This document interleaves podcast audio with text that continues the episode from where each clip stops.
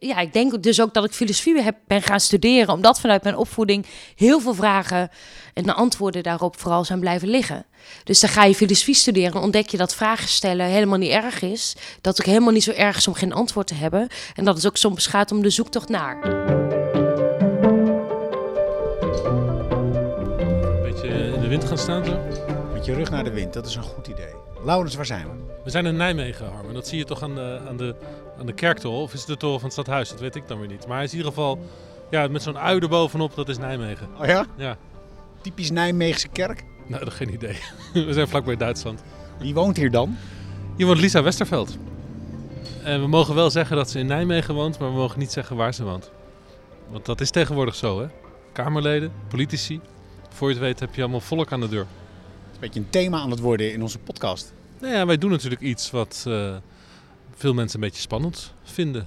De secretaresse van Lisa Westerveld vond het ook een beetje spannend dat eh, ik tegen haar zei van ja, maar we willen wel thuis afspreken. Toen moest ze even navragen en eh, nou, toen bleek dat inderdaad zo te zijn. Dus dan... eh, Oh, dat is mijn eigen Lisa. De klok slaat en je eigen Lisa belt.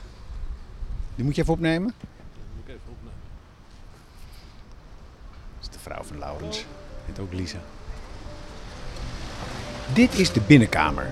Ik ben Harmen van der Veen en samen met Laurens Boven ga ik op visite bij politici van toen en nu. Een bezoekje in het hoofd en hart van bevlogen bestuurders. Zo ben ik weer. Ja, oké. Moeten we aanbellen of eh, hadden we Ja. nog iets eh, te zeggen? Eh, Laten we maar aanbellen. Ja, want we zijn eigenlijk al een beetje licht aan de late kant. Nummer, Deze was het. Nummer 8. Oké. Zes brievenbussen op een rij en hierachter een deur met een steile betonnen trap. Kijk, misschien komt hier wat eh, geluid uit. Klik. Hallo? Wij zijn het, ja. Ik zie een hoofd. Ja, en heel veel fietsen waar jullie langs zitten. Wat zeg je? Heel veel, heel veel fietsen waar jullie Voor fietsen, ja, het is een beetje een klauterpartij. Slalom rond fietsen in het portiek. Hi, Hey, hi. goed je te zien. Ik ben Harmen, dit is Laurens. Dat weet ik. Leuk dat jullie er zijn. Fijn dat we langs mogen komen. Ik wil mijn voeten wel vegen, maar je hebt geen deurmat. Nee, maar het is goed zo. Is het goed zo? Oké, nou, er ligt een heel eh, solide zeil. Welkom in Nijmegen. Koffie? Ja, nee. Jij wil koffie? Ik wil een groot glas water. Ja, komt goed. Ehm Laurens, ben je er ook klaar voor? Ik ben er, ik ben er klaar voor hoor, zeker. Loopt die? Geluid eh, Hij ingeregeld? loopt, geluid loopt. Eh, de koffie is ingeschonken. Ik heb eh, water deze keer. En Laurens heeft altijd de openingsvraag, Lisa. Dus eh, Lisa, wat was je aan het doen toen wij eh, aanbelden? Ik was net een ehm, gesprek aan het afsluiten online op mijn ehm, iPad. En dat ging over de nieuwe coronawet die eraan zit te komen. Die was ik aan het voorbespreken met een van onze beleidsmedewerkers. Die bestaat nog steeds, de coronawet. Dat is nog steeds een ding wat, wat, waar Den Haag mee eh, aan het werk is. Ik maak al meteen een fout. Ik moet zeggen de pandemiewet. Oké, is maar ingestampt door onze voorlichters, maar ik zeg het telkens verkeerd. Nee, er komt een eh, wet aan die eigenlijk moet zorgen dat als er nieuwe maatregelen nodig zijn, dat die ook een wettelijke verankering hebben. En dat is best wel een puzzel, vind ik. Want wat zet je wel en niet in de wet? Uh, hoe regel je nou die goede parlementaire betrokkenheid? En het allermakkelijkste is het op corona om gewoon voor alles te duiken en om ergens helemaal tegen te zijn of helemaal voor te zijn. ja. Maar wij hebben bedacht, als we dan over deze wet gaan stemmen, dan willen we ook, en dat hebben we ook met vorige wetten gedaan, kijken wat we er beter aan kunnen En maken. ja, en het doel is dan... Sorry, ik moet even graven in mijn geheugen, want de laatste keer dat ik over corona verslag deed is alweer een tijdje geleden. Maar het doel, wat ik me ervan herinner, is om in de toekomst dan niet met noodverordeningen te hoeven werken, maar gewoon op basis van formele wetten door het parlement goedgekeurd. Ja, eigenlijk dat. Ja, Want je kunt eh, van alles, hè, je kunt een hele interessante discussie houden over welke maatregelen zijn wel en niet noodzakelijk.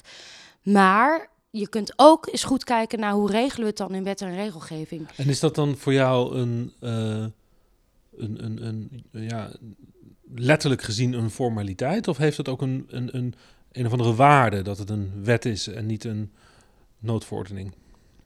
Ja, ik vind dit een, dit is een heel belangrijke wet volgens mij. Want als je ook kijkt naar nou, gewoon het beleid de afgelopen jaren. En als je kijkt naar de rol van de Kamer, maar ook als je kijkt naar het vertrouwen van Nederland in maatregelen die werden genomen, dan is dat heel erg laag. Dan vind ik ook dat de Kamer niet goed betrokken is geweest. Ik vind ook dat de Kamer de rol soms veel beter had moeten pakken.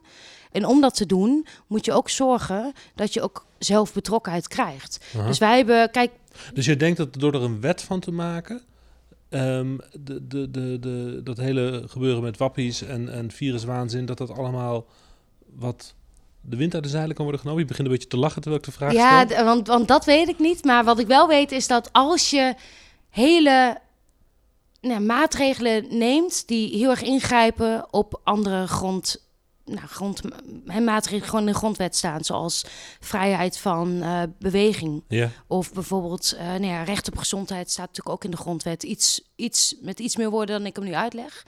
Maar op het moment dat je maatregelen neemt die ingrijpen in andere vrijheden, Mhm. dan vind ik dat je heel goed moet regelen op basis waarvan je dat neemt. Dus die onderbouwing moet heel goed staan.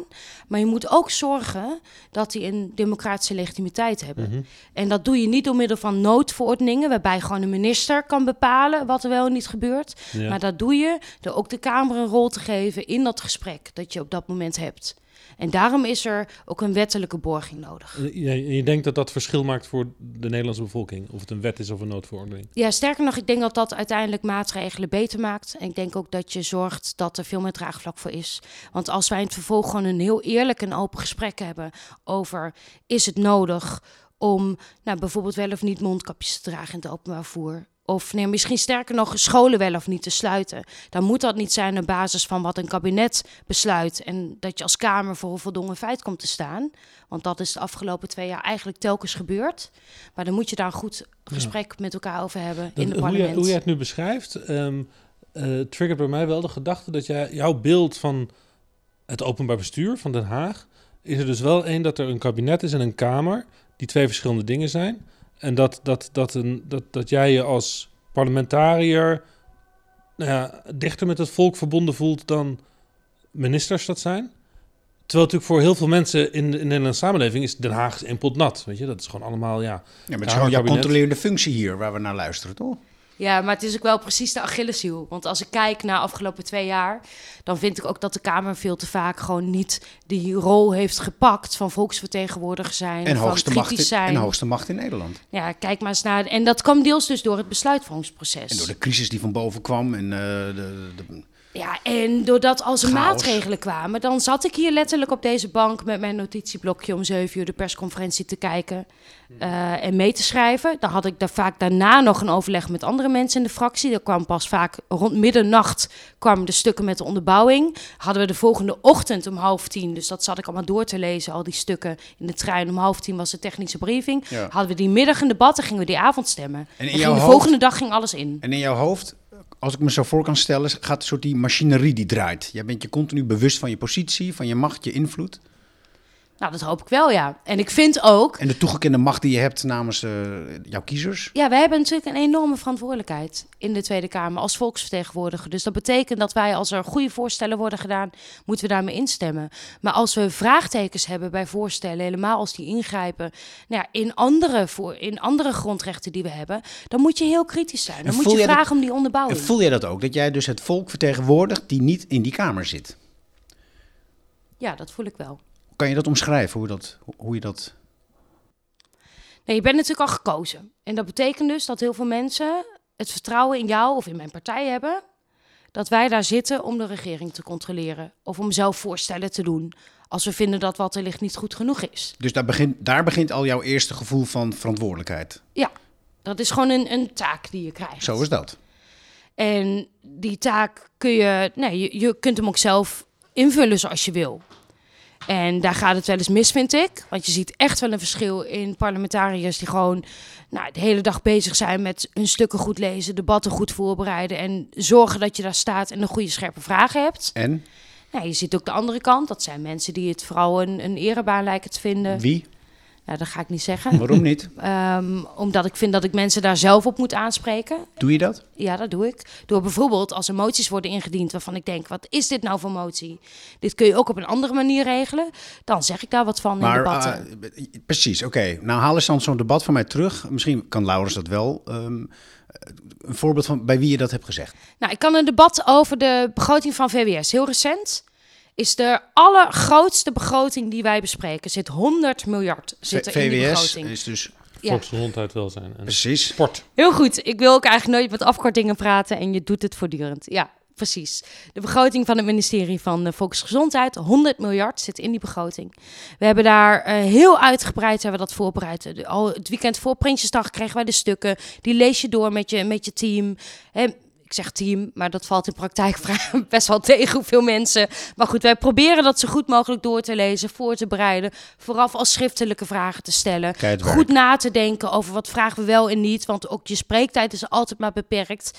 Nou, en uiteindelijk kijk ik naar wat hebben we nou als Kamer echt verschoven in die begroting van, van 100 miljard.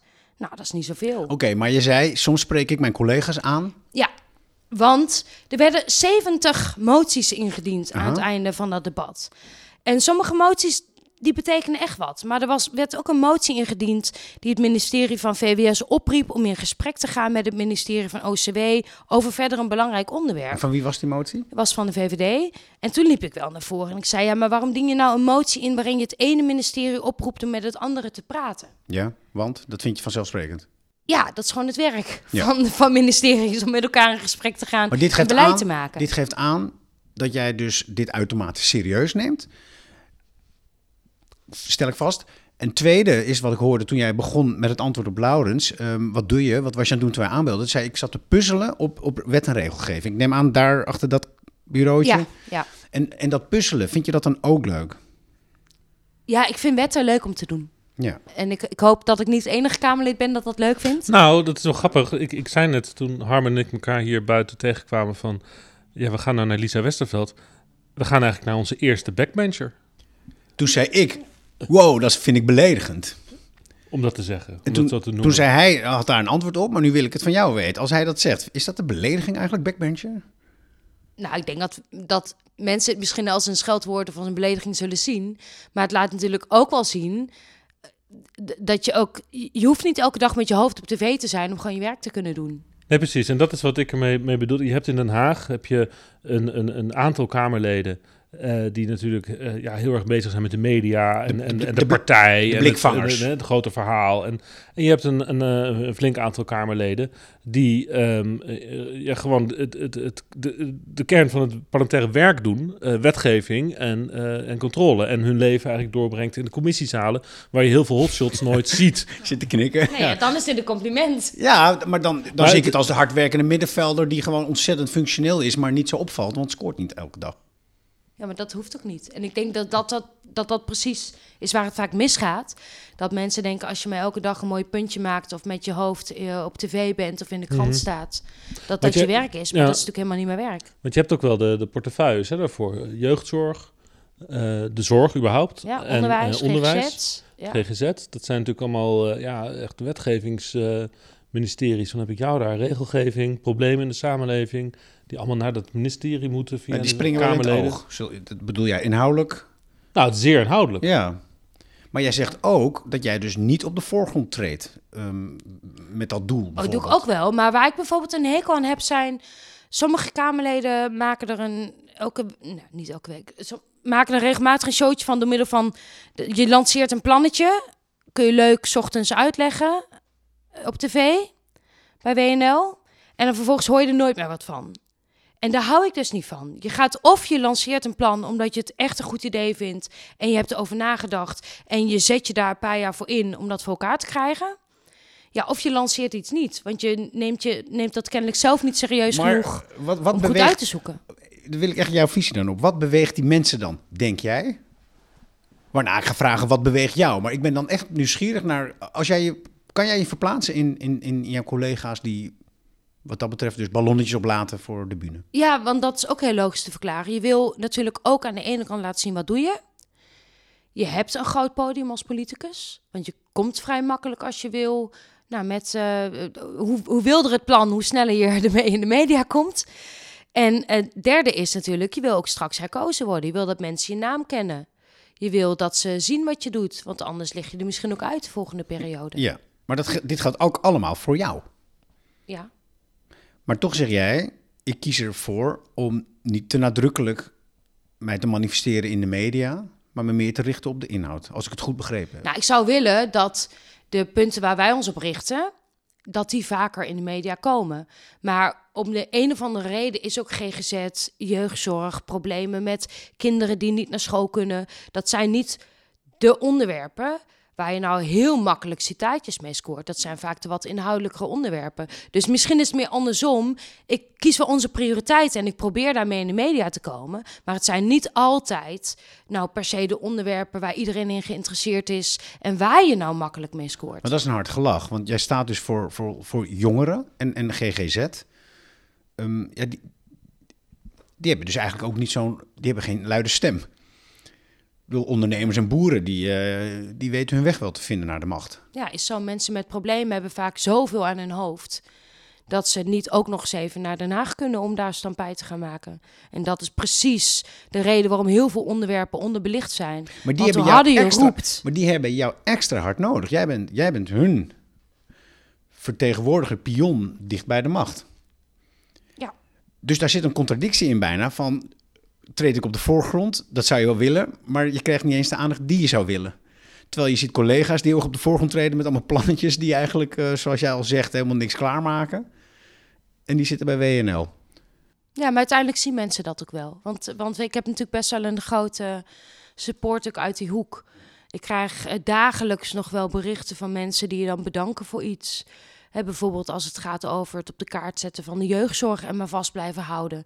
Dat is ook zo'n onderwerp waarbij je niet. Ja, het speelt al zo lang. We zijn het een beetje gewend geraakt dat er problemen zijn in de jeugdzorg. Dus daardoor is het maar dit is ook soms niet meer aantrekkelijk. Maar ben je wel, voel je wel eens ontmoedigd? Ja, ook vaak.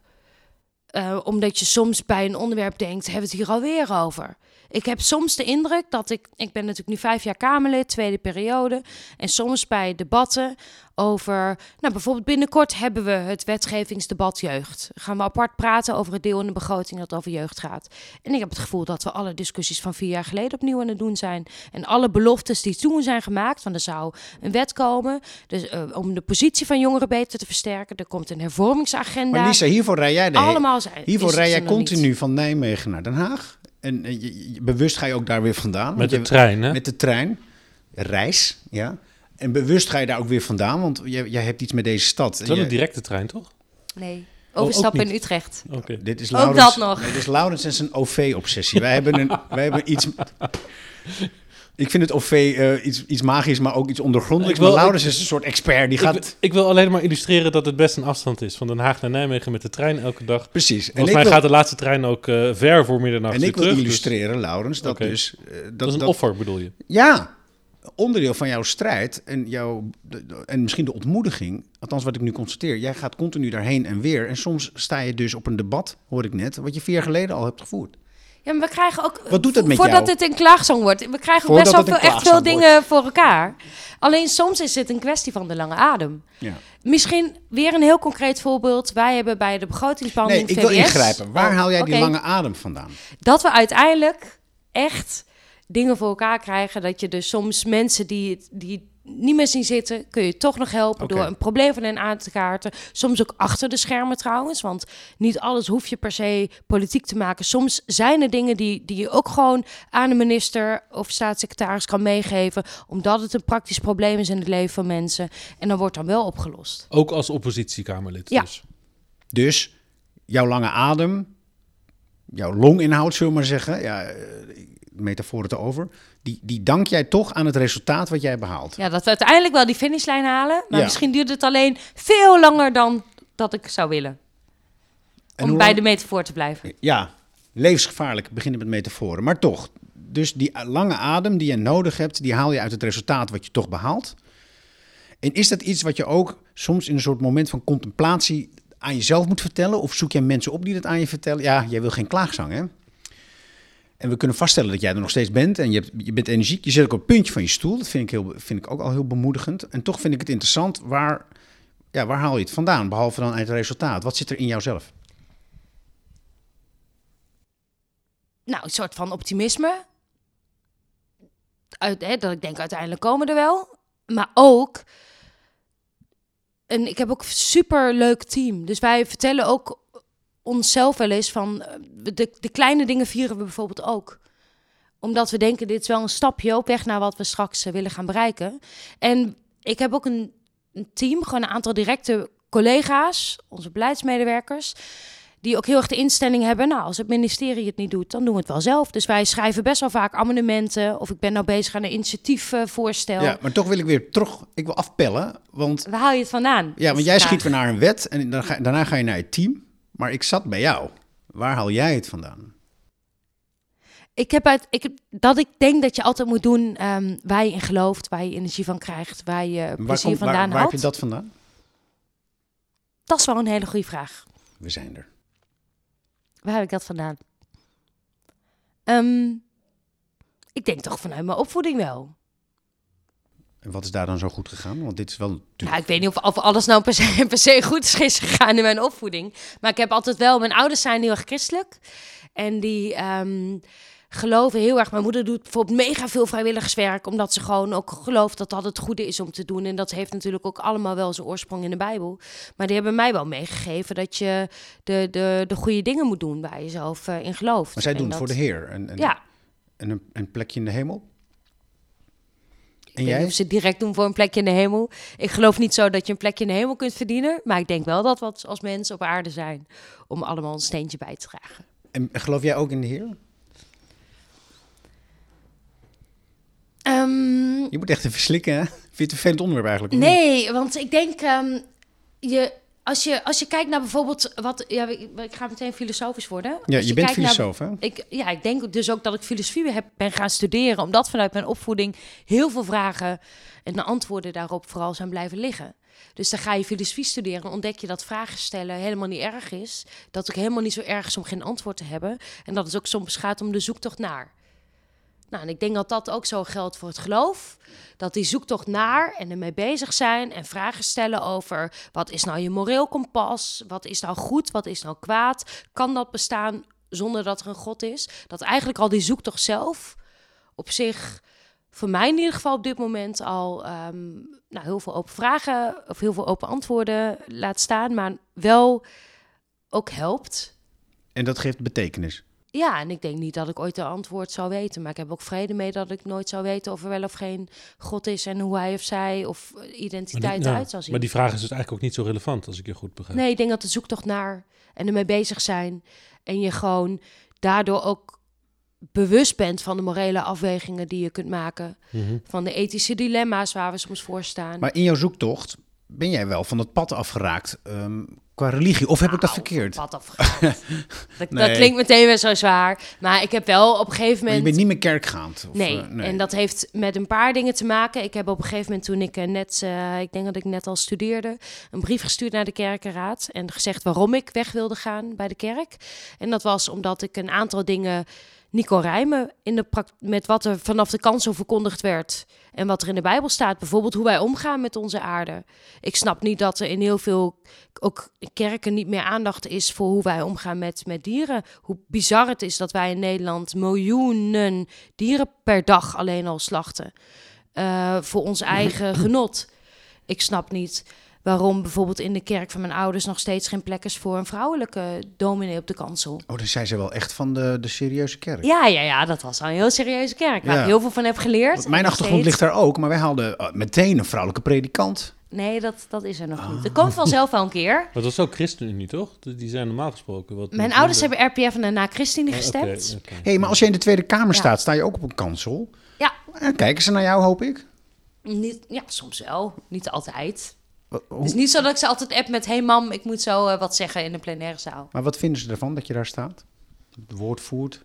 Dat vinden ze heel erg... Daar zijn ze stiekem wel heel trots op. Dat zullen ze nooit heel, hard, heel erg hard, hard, hardop zeggen. Maar Nee, waarom niet? ja, dus ook een beetje mijn ouders. Dan merk je wel dat ze trots zijn. Dat ze dingen mooi vinden. En dat ze uiteindelijk... Omdat eh, het bij de verkeerde partij is? Nee, ze gewoon niet echt onder woorden brengen. Maar als kind is dat Ja. toch fijn als je ouders zeggen goed gedaan? Nou, ze hebben op mij gestemd. En dat was wel een van de mooiste... Weet niet, dat, dat vond ik een van de meest ontroerende dingen die ze de afgelopen... jaar- Nou, die ik, van, die ik gewoon ja, weet van de... Dat ontroerde je. Ja. En mijn vader heeft een poster van mij opgehangen op zijn werk. nou, dat is toch wel... Ja, je hebt gelijk. Ja, ik denk dat mijn vader mij de eerste keer in 2017... nou, net genoeg voorkeurstemmen heeft geholpen uiteindelijk.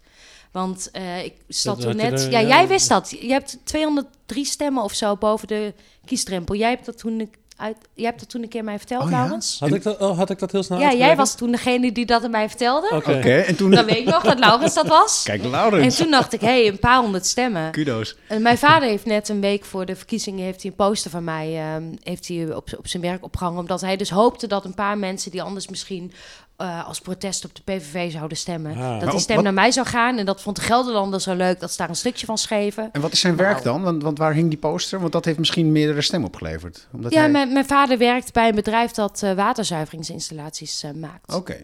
Dus daar- hij is eigenlijk lasser. Hij is een hele goede lasser. Maar daar hing jij met jouw eh, Daar hing ik. poster. Ik, weet niet, ik wil niet weten welke andere posters er allemaal hangen, maar daar hing ik dus ook. Ja.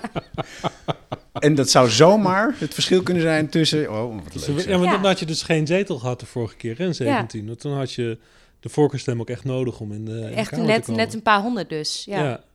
Ja, Tenminste, wist jij mij toen te vertellen, al heel snel. ja dat, ik, ik kan me vaag iets herinneren. Ja. Jouw opa had trouwens een, eh, een legbatterij, las ik ergens. Ja, Dat vind ik ook wel komisch. Mijn ene opa had een legbatterij en mijn eh, andere grootouders eh, die hadden koeien.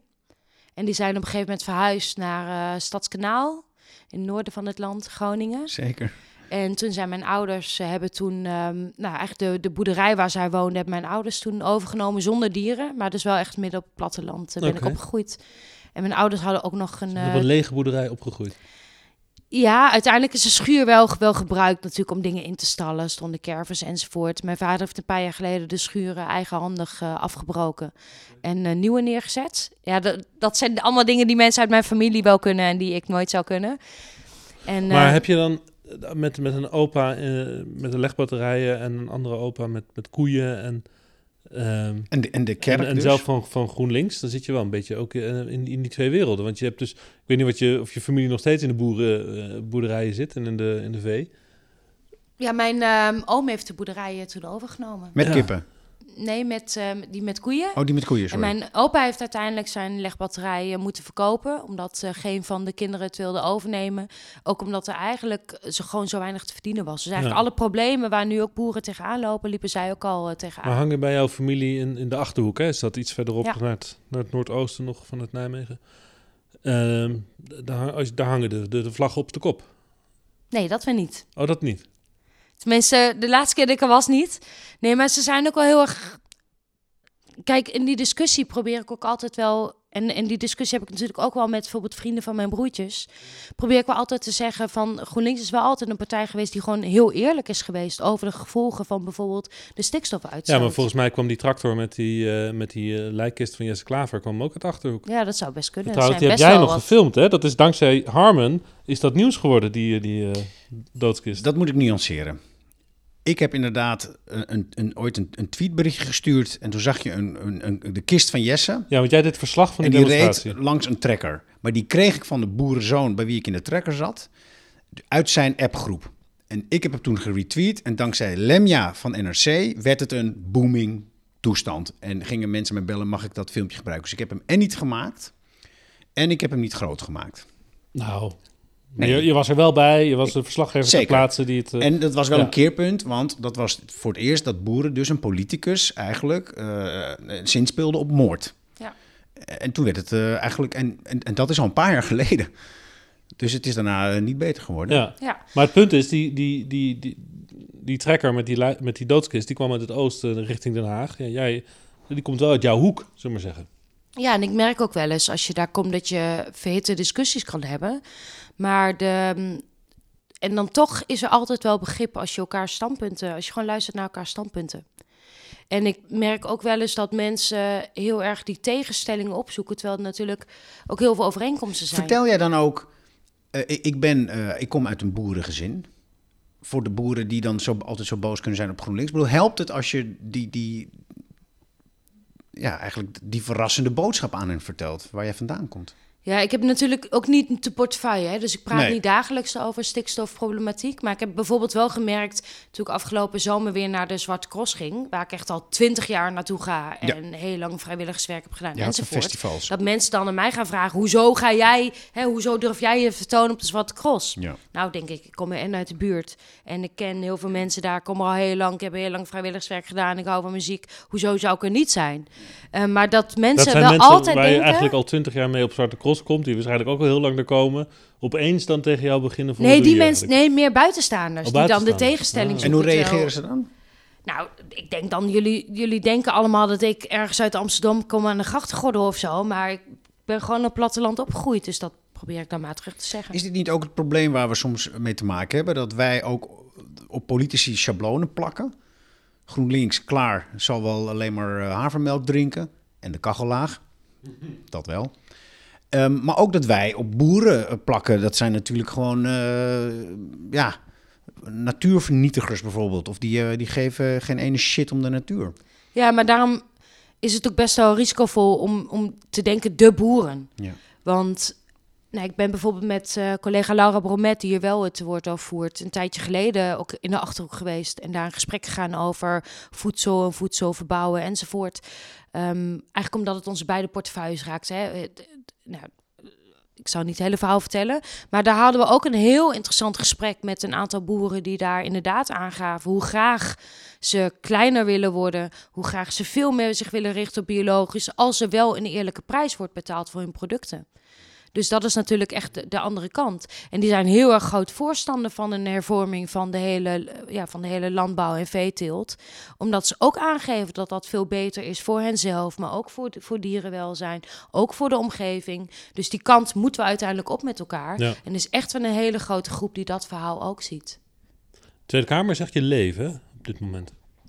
Ja, dat is wel een beetje mijn leven, ja. Ja. Ja, want Ja. we kunnen vaststellen, dat deed Laurens al net voordat de microfoon aan stond, dat je geen eettafel hebt. Ja, want ja, ik eet nooit aan de eettafel, klopt. Ja, Eten in Den Ja, Haag. ik eet vaker in de trein dan in mijn eigen eettafel, ja. vind ik echt droevenis, maar oké. Maar eh, Ja. kan je uitleggen waarom niet? Ja, want... Ik ben door de week gewoon nooit... Ik, ik sta 's ochtends op tijd op.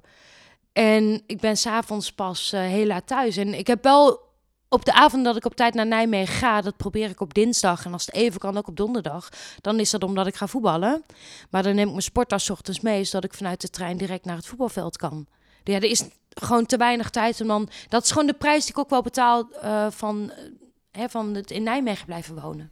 Wat Ja. niet om de hoek is Ja. van de Tweede Kamer. En de prijs is dat je dus eigenlijk bijna nooit hier bent. Ja. En dus hier niet eet. Ja, maar dan moet ik. Ja, de andere op overweging zou zijn om als ik dat wel, als ik wel een eettafel wil, dan zou ik dichter in Den- bij Den Haag moeten gaan wonen. En dat wil ik niet. Ja. Dichter bij Den Haag betekent dat je een eettafel kan aanschaffen. ja. ja. Hij kan wel staan hier op zich. De Kamer is niet zo klein dat er geen eettafel zou passen. Maar is het een, een, een droevige vaststelling of is het een, een fait accompli en, en, en, en toch een prijs die je betaalt? Ja, je betaalt altijd een prijs. Maar je, je moet gewoon heel erg je prioriteiten kiezen als politicus. Wat kun je nog wel en wat kun je nog niet ernaast doen? En jouw prioriteit is nu daar. Daar en sporten. Dus eigenlijk voetbal en politiek. En af en toe ook wel met vrienden nog naar leuke concerten gaan. Oh, gelukkig. en familie zien af en toe. Ja, ik, ik pak er een paar dingen bij die ik ook nog wel doe... voordat het beeld is dat ik alleen maar aan het werk ben. Maar je- natuurlijk, je bent wel veel aan het werk als politicus. Ja, dat, dat hoort er ook bij. En ja, daar kunnen we met z'n allen wat van vinden... maar dat is natuurlijk wel ook wel waarvoor we gekozen zijn. En wat doe je als de politiek op een afstand staat? Word jij gebeld nu? Ik, ik hoor ergens Nee, een een tril. een- Dus ik zet hem even... Het trilt ergens. Een, Deze eh, ja. Iemand is aan het appen. Even... Iemand zoekt contact met jou. Ik, had eigenlijk, ik heb ook niet gezegd dat hij uit... eh, meestal zeg ik, mag hij op vlieg? Ja. Kan, die op, ik, eh, kan- dat nog of is dat een hele belangrijke? Nee, nee, nee. Ik kan er gewoon... Een... Normaal zou ik hem ook op vliegtuigstand zetten.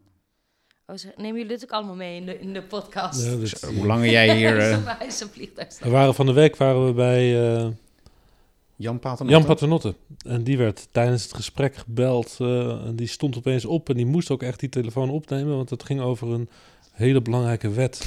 Ging die ook naar de Oh. gang? Oh, Ja, Oh. wij, onze oren zo. Maar ja, kijk, we hebben twee afspraken hier. We zetten geen valkuilen en we, we- we misleiden jullie niet. En de andere afspraak is, we zetten geen knips.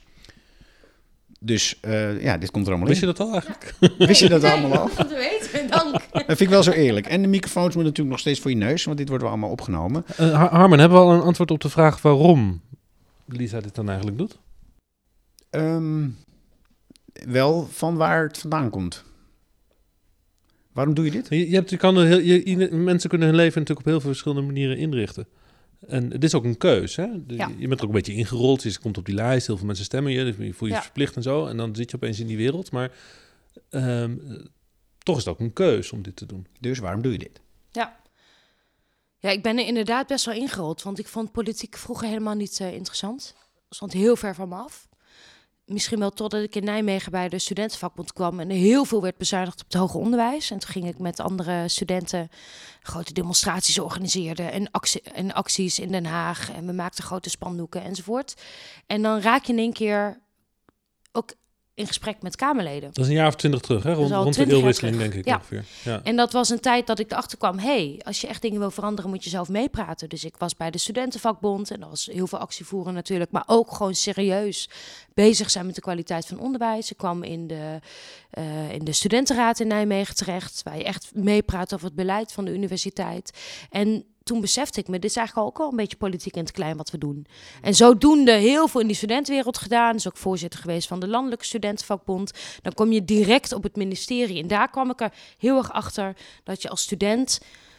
Ja, Ja, gewoon zit soms al, zit al- Kamerleden en politici, Kamerleden kunt vertellen... of de minister kan vertellen hoe dat soms een maatregel in praktijk desastreus uitwerkt. ja, je zit als, als voorzitter van de LSVB zit je meteen al vrij hoog in de polder. Ja, je hebt meteen, is, je eh, zit met de minister aan tafel. ja. En je zag, je zag dat het nut had Ja, om je in te zetten voor anderen. Ja, en ook om gewoon slechte voorstellen tegen te houden. Om soms eh, goede voorstellen te doen. Dus ik merkte ook gewoon, het heeft echt resultaat wat wij hier doen. En daarna dacht ik, maar dat is al daarna, ik ben daarna dus eh, afgestudeerd ook op eh, politieke filosofie. Dus op die Open Society van Karl Popper.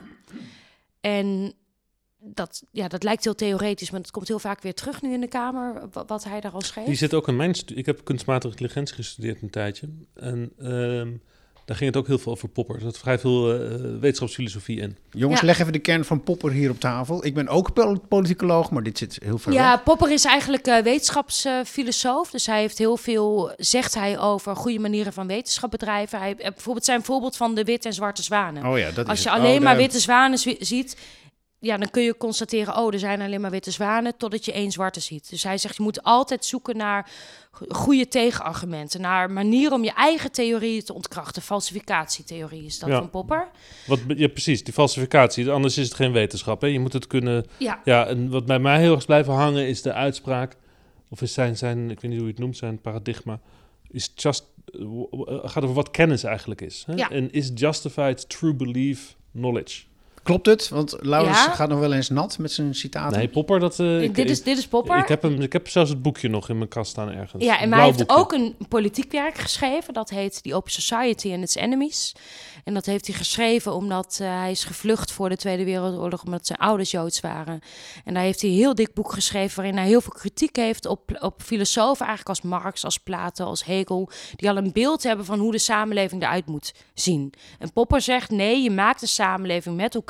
door dingen te proberen, door af en toe nat te gaan... door daarvan te leren. En je moet ook zorgen dat je die samenleving zo goed mogelijk inricht... tegen de vijanden van de democratie. De open samenleving en zijn, en zijn vijanden. Ja, en die vijanden, dat zijn dan niet eh, andere landen die ons kunnen binnenvallen, of niet per se, maar dat zijn ook de vijanden van binnenin. Maar die zitten dus nu in het parlement. Want ik ken één parlementariër die zegt... mijn meningen zijn feiten. Dat is dus twee keer anti-Popper. Nou, daarom is deze periode dus ook heel interessant, ook als ik kijk naar wat Popper toen al schreef.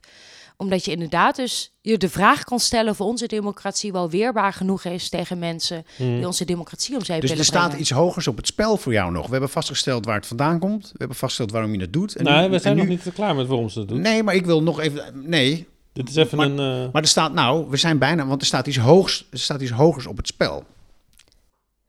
Ja, maar daar ben ik wel de afgelopen jaren pas achter gekomen. Want ik ben dus uiteindelijk de politiek ingegaan, want ik vond ook dat GroenLinks meer moest doen met onderwijs. We waren gebleven bij dat ik eh, politiek interessant vond. Ik ging werken bij de Algemene Onderwijsbond. Daar kun je natuurlijk ook heel veel goede dingen zeggen en doen namens docenten. Maar als je uiteindelijk zelf beter wil maken, moet je die politiek in. Ik Ja, vond maar dat de- GroenLinks te weinig deed Ja, onderwijs. LS, eh, LSVB, Nou, dat was mijn en- motivatie. Ja, LSVB en Onderwijsbond, dat is allemaal polder. Hè, dat, en, en dan opeens maak je de keus van nu wordt het politiek. Ja, uiteindelijk En, en, Ja, en zit uiteindelijk je wil je dus zelf dag, dingen gaan eh, veranderen. Zit je elke dag twee uur in de trein. Drie uur bijna. Maar vind je het leuk? Is het het waard? Ja, en als je het hebt over wat er nog meer op het spel staat, dan is dat inderdaad ook wel onze democratie. Dat is een en nieuwe ik voel me daar dus ook verantwoordelijk voor. Dat je als parlementariër ook zorgt dat mensen het vertrouwen houden in ons democratisch systeem. En dat kan alleen doordat wij ons werk ja, veel beter gaan doen dan dat we de afgelopen jaren hebben gedaan, vind ik. Het emotioneert mij, weet je dat? Want ehm, ik ben best wel bang eigenlijk over wat er nu gebeurt. Ja. Met, met de democratie en de rechtsstaat. Ben jij bang? Ja, soms wel. Als ik gewoon zie ehm, nou, hoe het vertrouwen van mensen is gedaald. Maar als ik dan heel eerlijk kijk, ook heel goed snap waarom dat zo is. Ja, dan raak ik ook wel eens bang voor. Als ik gewoon ook zie hoe makkelijk in coronatijd sommige verregaande maatregelen werden ingevoerd zonder dat daar een kritisch tegengeluid op was. En als je dan als partij wel probeert om een onderbouwing los te krijgen, dat dat alleen maar op heel veel weerstand leidt en superveel kritiek van, van twee kanten, dan denk ik, waar is nou hè, dat parlement gebleven, waarbij wat de plek is voor dat open gesprek met elkaar, op basis van argumenten, afwegingen maken, eerlijk zijn, ook zeggen als je het niet weet, Maar de vertrouwensrelatie- over kunnen hebben. Precies, maar die open eh, eh, vertrouwensrelatie, die is van, aan, aan twee kanten lijkt het stuk. Hè? De, de overheid vertrouwt zijn eigen burgers niet meer. En de burgers vertrouwen de overheid niet meer. Ja, klopt. En Ja. we hebben alles zo ingewikkeld gemaakt dat een heel groot deel van de mensen ja, ook niet meer, ja, ook niet meer gewoon goed dingen begrijpt. Als ik bijvoorbeeld kijk naar alle ingewikkeldheden rondom het aanvragen van voorzieningen van mensen met een handicap, dan snap ik ook niet meer hoe zij die formulieren moeten invullen. Dat is gewoon Kafka, dat is verschrikkelijk. Maar zie jij, zie jij dat nog... zie, kijk, wij zijn journalisten, jij bent een, een volksvertegenwoordiger. Wij hebben een doel met deze podcast overigens. Wij willen mensen zoals jij, toch Laurens, ehm, ja, een, vo- een vollediger eh, verhaal laten vertellen. Behalve dan de quotes uit de krant en het rennen achter nieuws aan. Maar ehm, heb jij het gevoel dat jij ook nog wat kan doen? Of dat wij met z'n, dat wij nog, is het nog te redden? Ja, maar er moet er wel wat gebeuren. En, dat, en, en daarmee. En dan begint het ook bij onszelf in de Tweede Kamer. Dan begint het ook dat wij ons werk serieuzer nemen. Dat we veel serieuzer omgaan met, met wetgeving en met grote besluiten. Dat we veel minder gaan zitten op kleine incidenten en die maar super groot gaan maken. Dan beginnen we met elkaar aanspreken als we vinden dat nou, mensen hun werk niet goed doen. Als er voorstellen worden gedaan die nergens op, op slaan. Dan beginnen we met elkaar aanspreken als er weer ontzettend veel moties worden ingediend die nergens over gaan. Maar dat, maar dat gaat uit van een, de aanname dat iedereen in het parlement volgens dezelfde regels speelt. En we hebben nu voor het eerst ehm, een, weer een partij in het parlement dat gewoon de regels aan zich niet accepteert. En eigenlijk alleen maar in het parlement zit om het op te blazen. Ja. Antidemocratisch is. Lau, je, Doe, ik Ja. niet goed, doe ik iets niet goed? je, je doet het heel goed. Alleen je microfoon, dat zit. Microfoon moet dichterbij of Ja, verder weg? te dicht. Maar je, Oh. je maakt zo mooi. Ja. Je zegt het zo mooi juist. Want er Ja. zitten nu. Toch? Maar dat Dus- is dus- precies het probleem. Ja, en Dat is en dat, is precies dan, en dat, dat is natuurlijk de achtergrond van de vraag van Harmen: van is het nog te redden? En wat is dan die weerbaarheid? Wat is dan, en hoe moet zich die dan uiten in het parlement? Ja. Als je de democratie als democratie wil beschermen. Ja, en eh, wat, wat het nog complexer maakt, eh, wat trouwens niet per se een vrolijke noot toevoegt, maar wat het wel complexer maakt, is dat ook partijen in de Kamer er helemaal niet over uit zijn hoe je daarmee om moet gaan. Nee, exact. Dat wat als vind er jij? bijvoorbeeld een, een enorme wat vind onzinmotie wordt ingediend. Nee, maar los van die Ja? onzinmotie, wat vind jij van het. Ja, wat zou je het liefst doen als je al die uren in de trein zit en hier uit het Ja, raam staat en over dat, nadenkt? dat openleggen en, en, en duidelijk willen maken aan mensen wat, wat er gebeurt. En ik hoop dus ook wel dat er een kanteling is dat door eh, te benoemen, wat ik af en toe doe op sociale media of, of in de plenaire zaal. Ik hoop door kritische stukken van journalisten over wat er gebeurt, Mhm. over hoe regels met de voeten worden getreden, hoe ook nou, afspraken die je met elkaar hebt gemaakt over transparantie, hoe dat nou ja, Ja. totaal niet wordt nageleefd. Maar, moet, dat Forum, dat moet Forum uitgesloten worden van de Tweede Kamer? Wat, wat Baudet is nu geschorst hè, voor het eerst. Dat is ook een unicum wat er natuurlijk gebeurd is. Die mocht een week niet mee vergaderen. Omdat hij zich niet aan een aantal transparantieregels wilde houden. Ja, en ik zou ervoor zijn dat het heel goed wordt onderzocht of dat een mogelijkheid is. Want je, maar daar, dan zit je dus wel weer met, de, met ook weer de andere kant. Kijk, ik ben natuurlijk ook een politicus van een hele andere partij. Die er ook baat bij heeft als, als andere partijen maar eh, niet meer mee mogen doen of zo. Dus ik vind ook dat ik moet uitkijken met een dubbele pet daar. eh. nee, zo zeg ik het niet goed. Ik vind dat ik moet uitkijken met ehm, dat, het, dat het dan overkomt zo zelf alleen maar voor onze eigen parochie aan het preken zijn. Want ik maak me Oh, gewoon... de- oh, dat je de middelen van de staat inzet om een politieke tegenstander... eh, Ja, want, want het is natuurlijk een hele dunne scheidslijn waarover je loopt. Ik stel pal voor die democratie en dat mensen kunnen stemmen op wie ze willen. Dat dingen gezegd kunnen worden. En uiteindelijk zie je het natuurlijk wel verkeerd gaan. En daar, nou, dan komt dus mijn scriptie weer naar voren. Poppen schreven over de, de democratische paradox. Dat je in een democratie, eigenlijk de democratie zelfs door democratische middelen in te zetten kan opblazen. Hij zegt, daar moet je je tegen wapenen. nou ja, de Duitsers, hier, de, de, de grens is niet zo gek ver hier vandaan. Ja, Eh, die hebben natuurlijk een aantal principes in hun grondwet vastgelegd. En er zijn artikelen in de grondwet, die, in de Duitse grondwet, die niet gewijzigd mogen worden. Omdat het al een keer gebeurd Ja. is daar. Ja, De democratie afgeschaft door de democratie. dus die hebben wel een Ja. democratie die natuurlijk wat meer beton gegoten is dan de onze. Want je kan in Duitsland de democratie niet met democratische middelen afschaffen. Nee, dus wij zijn kwetsbaarder.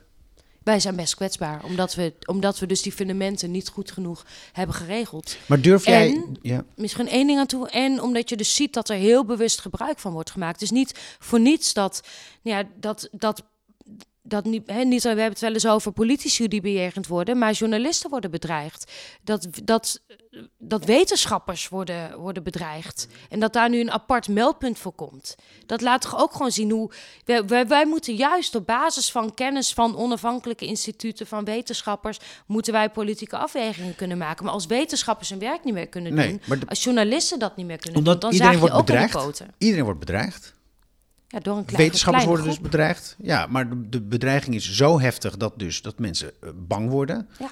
Eh, Paternotte nee, ehm, eh, erkende dat hij soms ehm, eigenlijk zijn mond laat snoeren al. Was het niet zo? Hij zei, ja, ik, ik let op mijn woorden bijvoorbeeld. Of zei Corinne Ellemeet dat?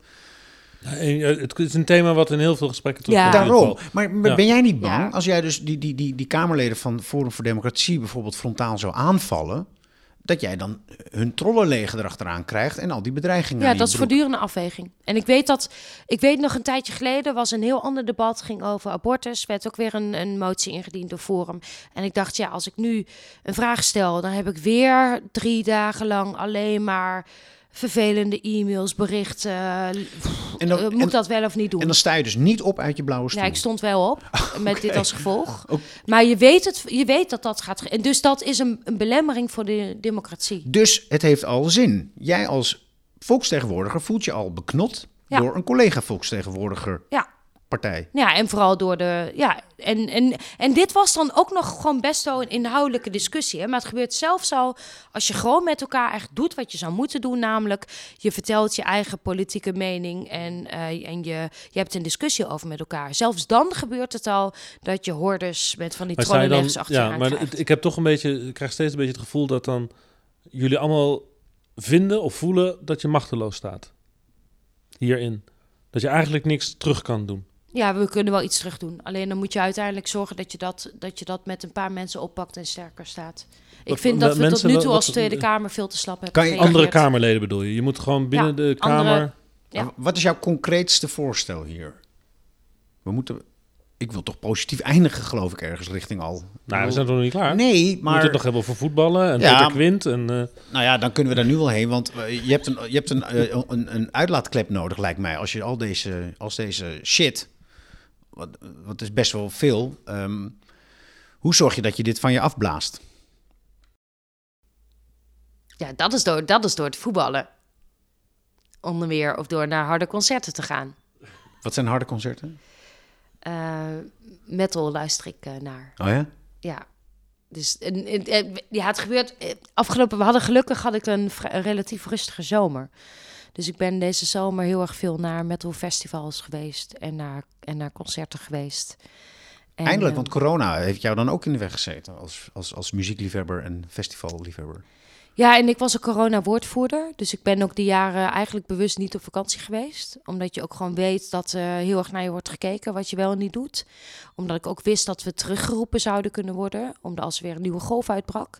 Dus maar voor mij was afgelopen... Ik weet dat er is echt wel wat af te dingen op lange vakanties die we hebben. Ik vond het heel fijn om vier weken echt even weg te kunnen gaan. En eh, Ja. Ja. niet meer... eh, En, en echt even naar muziek te kunnen luisteren. In tentjes te slapen en, en Maar, ja, dat als, soort dingen te maar doen. als voetbal afreageren is, dan, dan zou ik niet graag jouw tegenstander zijn. Nee, het is niet. Het is, het is gewoon over zo'n voetbal. Dan gaan we Het fijne, het fijne van een voetbalveld is gewoon dat je onderdeel bent van een team. Ik ken al die meiden al heel lang en mijn trainer al heel lang. Daar ben ik niet de Tweede Kamerlid, daar ben ik gewoon een teamgenoot.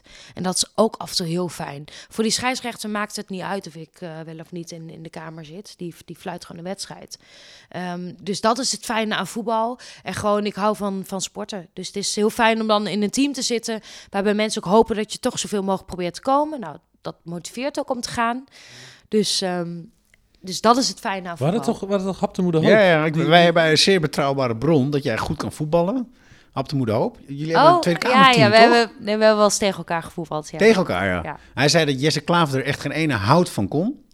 Nou, Kan je dat bevestigen? nou Jesse is zo'n typische spits, hè, die dan heel veel de bal bij zich houdt en probeert te pingelen en dan zelf probeert te scoren. Oké, ik ga meteen dat- terug in de metafoor politiek-politiek. Nee, nee, nee, Ja, nee, oké. zo is- ja. Oké, en jij bent dan een hardwerkende middenvelder. Ik ben inderdaad een middenvelder, ja. Ja, ja. een soort... eh, moet, oh, dan ga ik naar een mannelijk voorbeeld zoeken. Het Vrouwenvoetbal is natuurlijk tegenwoordig heel groot. Eh, eh, noem eens een, een, een speler waar- aan wie jij je spiegelt. Nou, ik ben natuurlijk helemaal. Ik, goed, ik, ben niet zo, ik ben helemaal niet technisch, maar ik werk wel hard. Dat is, dat is een beetje. Dus, eh, en als je dan kijkt naar, naar beroemde vrouwelijke spelers, bijvoorbeeld in de Nederlandse. In het Nederlands elftal, dan zijn dat natuurlijk allemaal vrouwen die ook gewoon technisch heel goed zijn. Ik vind bijvoorbeeld Jackie Groene vind ik een hele leuke speelster. Ja. Omdat ze en inzet, omdat ze altijd ook positief eh En ze kan is uithalen. ingesteld. En ze is gewoon heel creatief. En ze Dat kan heel hard leuk. schieten. Dat is het ene doelpunt. Ze kan Eh, ook heel goed schieten. Kijk, Laurens gaat bij sport sowieso al heel glazig kijken. Nu gaat het ook nog over vrouwensport. Ik denk dat hij daar echt helemaal geen klap van af weet. Je moet vooral met Harmen praten over sport. Nou, de Oranje Leeuwinnen vind ik wel het voorbeeld van een team dat ook door... Doordat ze lieten zien dat ze één team zijn, dat ze er plezier in hadden. Ik weet nog wel, afgelopen WK's en EK's, dat heel Nederland eh vond allemaal niet zo interessant. Totdat zij dacht, totdat zij zelf goede resultaten lieten zien. Ik wil daar wat over zeggen. Ik was in Spanje op vakantie en toen speelden wij het EK. Hè? En ik was sceptisch, want ik hou van voetbal. Ik kijk graag voetbal. ehm, en ik dacht, ja, mannenvoetbal, technisch, eh, lekker hard en zo. En, en, en ik zat dus met tegenzin, maar wel met een biertje... in de Spaanse zon, onder een parasol te kijken. Dus naar eh, het, het voetbal. En Nederland versloeg iedereen. En dat ging maar door. En ik merkte dat er een heel ander soort blijheid in mij kwam. En die was veel rustiger en veel trotser. Ik heb twee dochters notabene, die zaten ook naast mij. Die zijn niet eens echt voetbal geïnteresseerd. Maar en, en er gebeurde iets omdat dus het spel is anders. Ehm, en ik vond het ingewikkeld. En toen ging ik aan mezelf stellen... waarom heb ik dat bij tennis niet? En bij voetbal wel. En toen eindigde ik met een hele simpele conclusie. Het is minder eh, naar. Ja, het vrouwenvoetbal wel. Het mannenvoetbal is totaal verpest door geld en ego's. En het vrouwenvoetbal laat zien hoe het ook kan. En hoe Puur. je ook met elkaar plezier kan hebben in een stadion... zonder Ja. dat je de tegenstander hoeft uit te schelden. Zo is dat. Puur.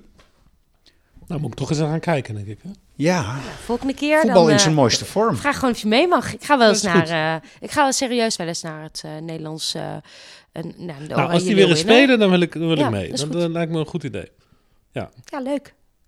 Is dat ook in de arena? Of eh, is het lekker nou een En hele het verschil, nee, maar ze spelen binnenkort een aantal oefenwedstrijden waar ik er niet naartoe kan. Want door de weekse dagen lukt echt nooit. Oké. Maar als ze in het weekend spelen, dan probeer ik af en toe wel eens te gaan. Omdat ik het leuk vind om te zien.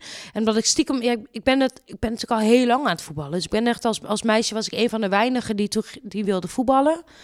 Op Eh, dus zondag. dat was heel Ja, want klein. bent- Zaterdag. Ik, Ik mocht niet op zondag voetballen van mijn mag ook niet op zondag voetballen. Ik heb een kampioenswedstrijd daardoor een keer gemist. Oei, Oké. Heb ik ze nog, draag ik ze na, hebben ze heel veel spijt van. Ja. Jij, bent, jij bent nou... Het ging over mijn leed, maar... Jij bent zo rond de 40. En, eh, maar je bent dan wel van een generatie. Nu is dat voor meisjes veel normaler dat er gevoetbald wordt. Maar dat is denk ik bij jou. Nee, eh, toen niet. En mijn ouders vonden het allemaal maar niks. Tenminste, die houden, niemand in de familie houdt van voetbal. Dus het is een beetje een raadsel waarom ik dit al, eh, nou, toch al bijna 30 jaar doe. Ja. Niemand snapte wat van. Maar ik wilde als meisje altijd heel erg graag voetbal. En toen ik tien jaar werd, mocht het van mijn ouders. Want toen vonden ze mij groot genoeg om alleen naar het dorp te fietsen. Hm. Omdat het wel een eindje, ja, platteland. Dat was natuurlijk niet in de dichtbij eh, omgeving een voetbalclub. Ja. Dus ik moest eerst naar het dorp fietsen. Nou, toen ik tien was, was ik heel blij mee toen. Mocht ik eindelijk een voetbal. En, toen, en dan op zondag wel in de kerk. Zaterdag wedstrijden, zaterdagclub Ja, natuurlijk. dat klopt. Ik had ook wel En op, zaterdag eh, competitie, maar soms hadden we... zondag eh, twee keer in de kerk. Ja. Dus Ik, het valt mij op dat jij dus eigenlijk heel erg je eigen gang bent gegaan. En je eigen weg, zo moet ik het zeggen. Je hebt wel echt je eigen weg gevonden. Ja, weet je wel, ja. Ja.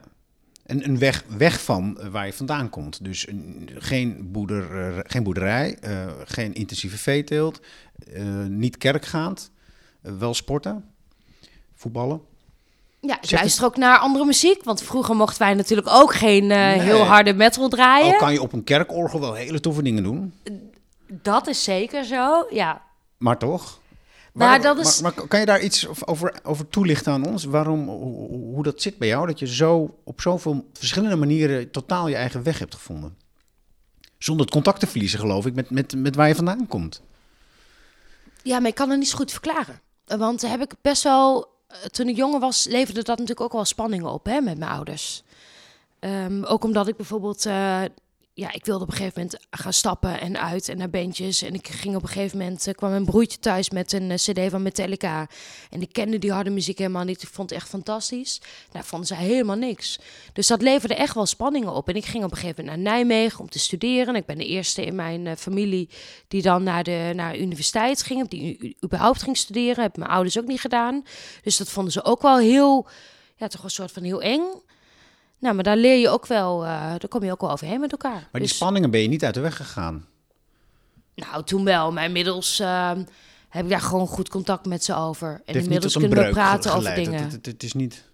Nee, juist niet. Ik denk juist...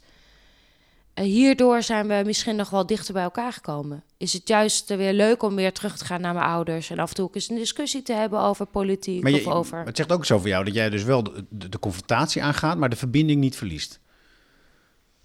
Ja, en wat ik ook nog wel weet, mijn moeder is een keer meegeweest naar een metalconcert. Omdat ze gewoon zo benieuwd was waarom ik het zo leuk vond. En mijn jongste broertje, die vond het toen, die was heel klein, maar die werd een beetje door, door mij meegesleept. Vond het ook leuk. Toen dacht mijn moeder, dan ga ik een keer mee. En ze vond het helemaal niks. Maar ik vond het wel heel stoer dat ze dan zelf dacht, ik ga gewoon eens een keertje mee om te kijken waarom mijn kinderen dit zo leuk vinden. Wat een lieve vrouw. Ja, hè? Maar je kan, je kan dus wel, je kan dus echt wel heel totaal verschillend in de wereld staan. Maar je straalt van trots. Je bent echt trots, je bent trots op je Ja. moeder dat ze dit gedaan Jawel, heeft. maar ik, ik, ik dacht hier in één keer weer aan. Dat, dat het een van de mooie momenten weer was. Dat, eh, dat, dat ze dan toch meegaat naar zo'n concert. En zij is ook trots op jou, begrijp ik. Ja, dat denk ik wel. Ze zijn ook bijvoorbeeld bij mijn afstuderen geweest. Wat helemaal niks voor hen is. Hè? En, en waar ze ook, ze begrepen helemaal niks van mijn presentatie. En dat hoeft ook helemaal niet. En dus, dat snap ik ook goed, want zij hebben geen filosofie gestudeerd en ik wel. Maar ze waren er wel. En door dat soort dingen ja, laat je natuurlijk ook gewoon zien dat je er gewoon kunt zijn van elkaar, voor elkaar. Zonder dat je per se alle. Nou, zonder dat je dezelfde dingen per se belangrijk hoeft te vinden. Of dezelfde hobby's hoeft te hebben. Of, eh, of dat je dezelfde ja, gedeelde interesses hebt. Ik heb nog een heel belangrijk thema. Rood-groen. Ben jij nieuwsgierig naar haar eh, positie in de rood-groene discussie? PvdA GroenLinks? Ik ben eigenlijk vooral nieuwsgierig naar eh, de, wat, wat Peter Quint voor jou betekent. Ja, die had ik vanochtend nog aan de telefoon. Geen grap. Toen hadden we het Ja, over een concert. Daar ging, ik ging er vanuit dat je hem ook praktisch over de camera-agenda. spreekt. Ja. Nee, Peter is... eh, Wil je even introduceren wie Peter Quint is? Ik of, weet eh? wie het is, maar leg eens Dat is uit. een Amsterdamse SP'er. Zeker, ik ken vooral zijn stem. Hij praat heel hard. Hij praat heel hard en eh, dat, eh, luistert ook naar hele harde muziek. Ja, daarom En, en het waarschijnlijk. is die, het is die kerel die eh, Ja, ja. ehm, eh, eigenlijk nooit een jasje aandoet, behalve in de parlementaire enquêtecommissie Ah, waar hij laatst. Ik weet Ja, die zit altijd in een t-shirt in de kamer met zijn tato's. Ja, dat is Peter Quint van de SP. Met een grote baard. Hij is vader geworden laatst, dus eh, hij is nog steeds... eh, Twee kids heeft hij nu. Twee kids heeft hij inmiddels, ja. En wat, wat wil je weten? Nou, het, eh, de, de, de- jullie zijn echt een duo in de Kamer. Jullie gaan samen naar al die festivals en, en eh, eh, ja, hebben elkaar toch een beetje gevonden in de Kamer. Ja, Het lijkt me mooie een is... vriendschap. Het lijkt me een vriendschap in, in, in, in het parlement. Ja, ik ken Peter eigenlijk van de Zwarte Cross. Eh, jaar voordat de verkiezingen in 2017 waren. En toen hebben we drie dagen lang weinig geslapen, veel lol gehad en dan leer je elkaar wel goed kennen.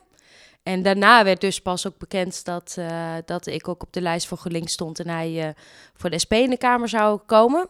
Maar Peter is gewoon eh, van onschatbare waarde. Het is zo fijn om iemand te hebben met wie je het en goed kan vinden, met wie je heel makkelijk kan samenwerken. Ehm, en die je ook gewoon kan vertrouwen. Dus we hebben ook wel eens, als ik even baalde van iets of zo, dat ik dan Peter appte en dat, hij, dat we even een rondje gingen lopen. En dan maakte niet uit dat hij van de SP is en ik Nee, van GroenLinks. Peter is dus ook rood, natuurlijk, socialist. Ja. Maar, maar eh, bedoel, eh, krachten bundelen, rood-groen. Ben je daarvan? De plannen, hè? Wel van de samenwerking. Mhm. Ik ben wel wat kritischer dan sommige anderen over eh, als het echt gaat om fuseren. Ik denk dat je juist als linkse blok elkaar goed moet weten te vinden. Dat doe ik ook, dat doe ik al lang. Ik werk al heel veel samen met de PvdA, met de SP, maar ook graag met de Partij voor de Dieren. En als het even kan, ook met Bijeen en, en Volt. Mhm. Ehm, ik weet niet of nou per se een, een fusie, want daar zijn sommige zijn ook best wel wat voorstanders van voor in onze partijen. Of dat nou per se is wat we zouden moeten doen. Nee. En, en de verkiezingen winnen, eh, denk je dat dat wel lukt? Nou, laat ik uitgaan van jouw eigen partij dan. Denk je dat GroenLinks ooit de grootste gaat worden in Nederland? Nou ja, hopen of denken is natuurlijk wat anders. Dat is eigenlijk al het antwoord. Nou, je mag er ook over En Wat ik wel filosoferen. merk, Ja. nou wat ik wel merk, kijk, GroenLinks was natuurlijk voor heel veel mensen voorheen altijd een partij van die gekke idealisten die maar zaten te waarschuwen over klimaatverandering enzovoort. En nu weten we gewoon allemaal dat dat een reëel gevaar is. Mhm. Dus op heel veel vlakken wordt GroenLinks voor veel mensen, en dat zie je ook wel aan het stemgedrag van jongeren, worden wij een partij die wel realistisch is, die wel nou, goede ideeën heeft, maar ook gewoon soms waarschuwt voor zaken die eraan zitten te komen. Ja, maar denk Dus je dat ik- je het torentje kan bemachtigen en dan de sleutel in handen en dan? Nou, er zal nog wel wat tijd overheen moeten gaan, maar dat hoop ik wel natuurlijk. En, en wat is de strategie dan wat jou betreft? En dan, en dan en, en, en- qua progressiviteit eh, in, de, in de Tweede Kamer? Met SP of de, of de PvdA of eh, de Met Dieren? zoveel mogelijk samenwerken. We hebben er als links helemaal niks aan om elkaar op kleine dingetjes aan te vallen. En dat, dat gebeurt soms te veel. Maar we kunnen wel als links elkaar gewoon versterken. Eh, en ik weet dat dat ook een beetje hol klinkt van hoe doe je dat dan enzovoort. Maar bijvoorbeeld als je gezamenlijk een plan lanceert, dan maakt het niet uit welke naam er als eerste bij een motie of bij een plan staat. Dat zijn vaak al van die kleine dingetjes waar veel te, hè, dat, dat kleine politieke geneuzel, daar hou ik helemaal niet van. Ja. Zorg gewoon voor dat je gezamenlijke idealen hebt en dat je daar, daarvoor gaat staan. Ja, nu is het is natuurlijk wel zo dat, dat in de politieke onderzoekswereld eh, het al tijden eh, verhaal is van als GroenLinks en Partij van de Arbeid samen de verkiezingen ingaan, Ja, dat mobilisatie van... dat ze de eh, verkiezingen winnen. Ja, dat ze dat- de grootste worden. En dat zie je in sommige gemeenteraden natuurlijk ook al. Ja. Waarbij al heel intensief wordt samengewerkt. Waarbij soms Nee, gewoon maar één dat- partij dat- is. ja. En, Maar dat, ehm, dat, in de gemeenteraden doen ze dat meestal omdat ze anders niet in de raad komen. Ja, en wij, dat zijn de hele rechtse gemeentes Ja, waar ze alleen maar, maar waar samen- Laurens op doelt is een soort chemische reactie die je kan eh, veroorzaken misschien. Met een soort belofte. Er zal een zucht Ja. van oplichting door progressief Nederland gaan, denk ik, als PvdA GroenLinks dat doen, omdat er dan een doorbraak mogelijk is. ja, dat Is ook. althans de redenering. Ja, en ehm, dat zou heel goed kunnen. En ik vind uiteindelijk, en misschien gaan we die kant op, maar ik vind dus wel dat het echt uitdrukkelijk aan de leden is. Dus je merkt Mhm. dat er in Haag goed wordt samengewerkt. Er worden steeds meer stappen gezet. Dat is allemaal hè, prima dat we samenwerken. Mhm. En uiteindelijk de vraag over moet je nou definitief wel of niet samengaan, laat die leden dat voor ons beantwoorden. Want ik vind ook dat wij moeten uitkijken met dat dan ook weer zo'n, zo'n, dat, dat is ook een beetje een reden waarom ik misschien weer zo'n gezicht trok toen jullie over dit onderwerp begonnen. Eh, als je het hebt over gezamenlijke doelen en idea, we, we praten al heel lang over wel of geen fusie. Ik vind het veel belangrijker om te laten zien wat we nou gezamenlijk kunnen. Ik vind het veel belangrijker om ons met die inhoud bezig te houden. En daarom werk ik al heel veel samen met alle partijen op links. Uh, en, en, ja, en ook de afgelopen tijd wat intensiever met de ja, PvdA. Ik ben net een boek aan het lezen over Amerikaanse politiek. En uh, de, dat hele betoog is, je wint de verkiezingen niet op inhoud, maar op emotie. Dus je moet een emotioneel verhaal hebben. Maar je wint uiteindelijk natuurlijk alleen maar als je met dat emotionele verhaal ook echt, als het echt oprecht is. Ja, ik lees een klopt. ander boek, uh, Louis Vergaal. Um, rechts doet het overigens niet, hè? Rechts die wint de verkiezingen met een emotioneel verhaal wat niet oprecht is. Ja, Althans in Amerika. Een heel groot deel van de, de mensen wel, wel, wel lijkt te kloppen. Als je kijkt naar gewoon onderbuikgevoelens van mensen. Ja. ja, die, die spelen natuurlijk ook gewoon in op emotie. Ja. En daar is rechts misschien wat beter in dan, uh, dan linkse partijen. En helemaal dan links-progressieve partijen. Want ons verhaal is, is, is ook wat minder... Hè, ja, wat, het is altijd natuurlijk heel verleidelijk om een zondebok te zoeken. Je bent het uh, nou, met voetbal, je paast naar iemand. En ja, die, en dan geef je de scheidsrechter de schuld. Ja, precies. Ja, en daarom en zeg dat ik, gebeurt ook in de politiek. En daarom zeg ik, ik lees een ander boek, Louis ja. van Gaal. En die wil het WK winnen. En dat kan alleen maar als je een sterk team hebt. En dat team moet een goede kleur hebben en allemaal voor hetzelfde doel gaan. En dat is wat mij betreft dus gewoon een progressief blok. En dat noemen we whatever. En ja, dan win je. Maar dan WK. moet het wel kloppen en, niet geforceerd zijn. Moeten je leden erachter staan. Het volk Daar op de uiteindelijk... Het volk op de tribunes. Wat moeten we gaan? Ik heb zo voorgenomen met voetbalmetaforen te beginnen en te eindigen. Dat is een mooie metafoor, ja. Ja, het, het, het volk zit op, in de arena. Nee, het zit op de tribunes. Dit is trouwens een metafoor die we al vaker hebben in deze podcast. En jullie staan in die arena als een soort gladiatoren met goede moed, onbevreesdheid, soms een wapen hier en daar rechts. Maar als het een team is, één, tegen een ander team twee, en het beste team wint omdat ze een eenheid vormen, het progressieve blok waar ik bij hoor, ja, dan zouden we nog wel eens kunnen winnen. Ik zit in een afrondende fase, want ik sta hier, ik zie een uur staan. En dan is altijd Laurens, echt aan Laurens, want die heeft soms, soms ga ik, ik ben, er, ik ben een beetje de baas, maar Laurens, als Laurens iets burning heeft, moet hij het nu doen. Of jij. Um, het enige, de, de, ik ben nog niet uitgepraat over Peter Quint eigenlijk. Je Wat is er? Net, je ging er net heel snel overheen, je kapte me af. Maar vermoed jij een romance of zo? Nee, ik moet geen romance, maar ik, ik, ik vind het gewoon zo... de- de- Er moet meer zijn dan een af en toe een wandeling op de, op, de, op de Hofvijver. Ik bedoel, het is in Den Haag heel uitzonderlijk dat mensen vriendschappen hebben in het parlement. Ja, er is gewoon een diep vertrouwen tussen ons. Je weet gewoon echt precies wat je aan de, aan de ander hebt. Dus ik Mhm. weet ook dat ik hem dingen kan vertellen die ik niet aan anderen hoef te vertellen en andersom. En, ja, en, en dat legt ook wel de basis voor onze makkelijke politieke samenwerken. Want je vertrouwt elkaar gewoon blindelings. Ja, en Als hoe, kijken, hoe kijken andere mensen daar dan naar? Andere Kamerleden? Als ze die, die, die, die vriendschap tussen jullie twee zien. Nou, mensen vinden het natuurlijk wel eh, leuk om te zien dat je zo goed met elkaar kunt, eh, kunt opschieten. En ik hoop ook dat mensen zien dus dat het werkt. Dat als je elkaar vertrouwt, dat je dan ook gewoon echt politieke mooie resultaten kan neerzetten. Mhm, mhm. Er zit geen bij GroenLinks of bij de SP eh, een soort van wantrouwen van dat die twee daar de hele tijd met elkaar allerlei interne aan het bespreken zijn. Nou, ik heb wel eens die opmerking gehad hoor. Van nou, je werkt nu al heel veel samen met alleen de SP. Moeten we niet ook een andere partij bijhalen? Dus, eh, dus ja, dat, dat soort opmerkingen heb ik wel eens een paar jaar geleden gehad. Ja, en dan zeg ik, ja, maar het is ook gewoon makkelijk. Ik bedoel, als ik met één appje met Peter iets geregeld kan, kan hebben... en soms kost iets eh, uren aan voorbereidingstijd... eh, nee, dan, eh, dan doe ik wel dat ene appje als we hetzelfde resultaat hebben. Zou, zou je dit werk vol kunnen houden zonder dit soort vriendschappen? Nee, je hebt echt. En. Nou, ik wil nou niet zeggen, zeg maar. Want.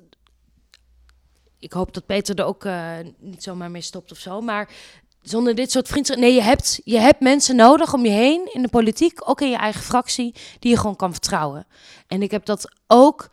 Nou, onze, onze fractie is gewoon echt een fijne club mensen. Ik heb een aantal fantastische beleidsmedewerkers die meteen ook een soort van, van je, je vrienden eigenlijk worden. Want je, want je hebt, hebt daar ook natuurlijk af en toe dat je nou, uren en uren met ze aan het doorbrengen bent. Dat je spannende momenten meemaakt. Dat je op het moment dat ik cijfers aangeleverd krijg, dat ik moet weten dat het gewoon klopt wat daar staat. Want ik ga het dadelijk zeggen. En dat je niet als het misgaat, eh niet kan naar het jezelf niet kijkt, zonder maar naar iemand anders wijst. Je kan het gewoon niet zonder vr- vriendschap, de menselijke maat, connectie. Dan gaat het fout in een fractie. Zonder, dan gaat het in een fractie fout, zonder vertrouwen. Ja, dat denk ik. Want het Ja. is ook een. Soms best vijandige omgeving. Waarbij voortdurend camera's op je gericht zijn. Waarbij voortdurend wordt gezocht naar tegenstelling. Waarbij je een heel mooi verhaal kan houden. En dan net die ene zin die je wat minder ongelukkig zei, wat minder gelukkig zei, die wordt eruit geknipt. Ehm, het is best wel af en toe De, lastig om daar rond te lopen. er zat nog een derde in die Metallica-driehoek. Die van Ja, de VVD. Esther, eh, nee. Esther en Daan. Ja, ja, Daan, nee, of Daan twee zelfs. Twee Daan zelfs. appte mij toevallig gisteren nog Daan, met hè, een die- suggestie voor een, eh, voor een album dat ik echt eens moest gaan Oké, beluisteren. dat Ja. is die VVD'er die opeens eh, wegging uit de Kamer. Ja. Omdat, hij, de- omdat zijn vriendin bij de Partij voor de Dieren zit. En, en eh, hem het ware licht heeft eh, Omdat zien. Daan al langer twijfelde over de keuzes die de VVD, VVD maakte. maakte. Ja. Ik heb hem ook vrij snel daarna even gebeld en daar met hem over gehad. En, en wij zagen het natuurlijk wel een beetje aankomen. Hij was gewoon ongelukkig op een aantal, op een aantal onderwerpen wel. En dit was Mhm. de druppel. Ja. Ja, en dan, dan snap ik ook wel dat je die keuze maakt. Want dit lijkt mij het meest moeilijke wat je kan doen, is daar zitten en allerlei standpunten moeten verdedigen van je fractie, waar je gewoon zelf niet achter staat. Ja. Nou ja, weet je, Harmen wil altijd positief eindigen. Dan kunnen we misschien met dat beeld, het is best een bijzonder beeld, hè, dat we dus een VVD'er, een Partij voor de Dieren voorvrouw, eh GroenLinkser en een SP'er, dat is dan het, eh, een, soort van kwartet in de Kamer die elkaar vinden in muziek en festivals. En die VVD'er, dat is de, de, de, de een van de campagnestrategen geweest van de VVD, van Mark Rutte. Die dus in de Tweede Kamer dan vriendschappen sluit met extreem links. Toch? Ja, ik zie extreem links ook alleen maar als een, eh als een geuzennaam hoor. En, Ehm, en het positieve beeld is nu dat ze lekker genieten van uh, harde Nou, muziek. misschien Dat het ook Nederland is. Sowieso. Misschien is het positieve beeld wel dat je dus best wel veel inhoudelijke verschillen met elkaar kan hebben. Maar zolang je daar met elkaar gewoon over blijft praten, zolang je met elkaar argumenten blijft uitwisselen, dan kom je echt wel een heel eind. En is dat een. We moeten echt stoppen, maar is, is dat uiteindelijk. Dus een, een, als je dat bundelt, is dat sterker dan de fascisten die nu in ons parlement zitten? Ja, dat de antidemocratische krachten? Maar dan, moeten we het, maar dan moeten we het wel met elkaar echt gaan doen. En dan is het sterker. Goed zo. Dankjewel. Dankjewel, Lisa. De duisternis is al Ja. ingetreden, Ja, jongens. ja, het is echt heel snel. Mijn moeder noemde dit vroeger schemeren. Een heerlijk moment van de dag. Dat je de middag over laat gaan in de avond. Dat is altijd een beetje in de, in de winter. En dat is, heet schemeren. Dan blijf je lekker lang zitten op je stoel. Ja, totdat dat het, is eh, wel het moment voor een glaasje wijn. zeker of een biertje of een borrel. Maar ehm, Het gemogen, maar ik heb zo een afspraak met de PvdA. cool. En we moeten ook gaan.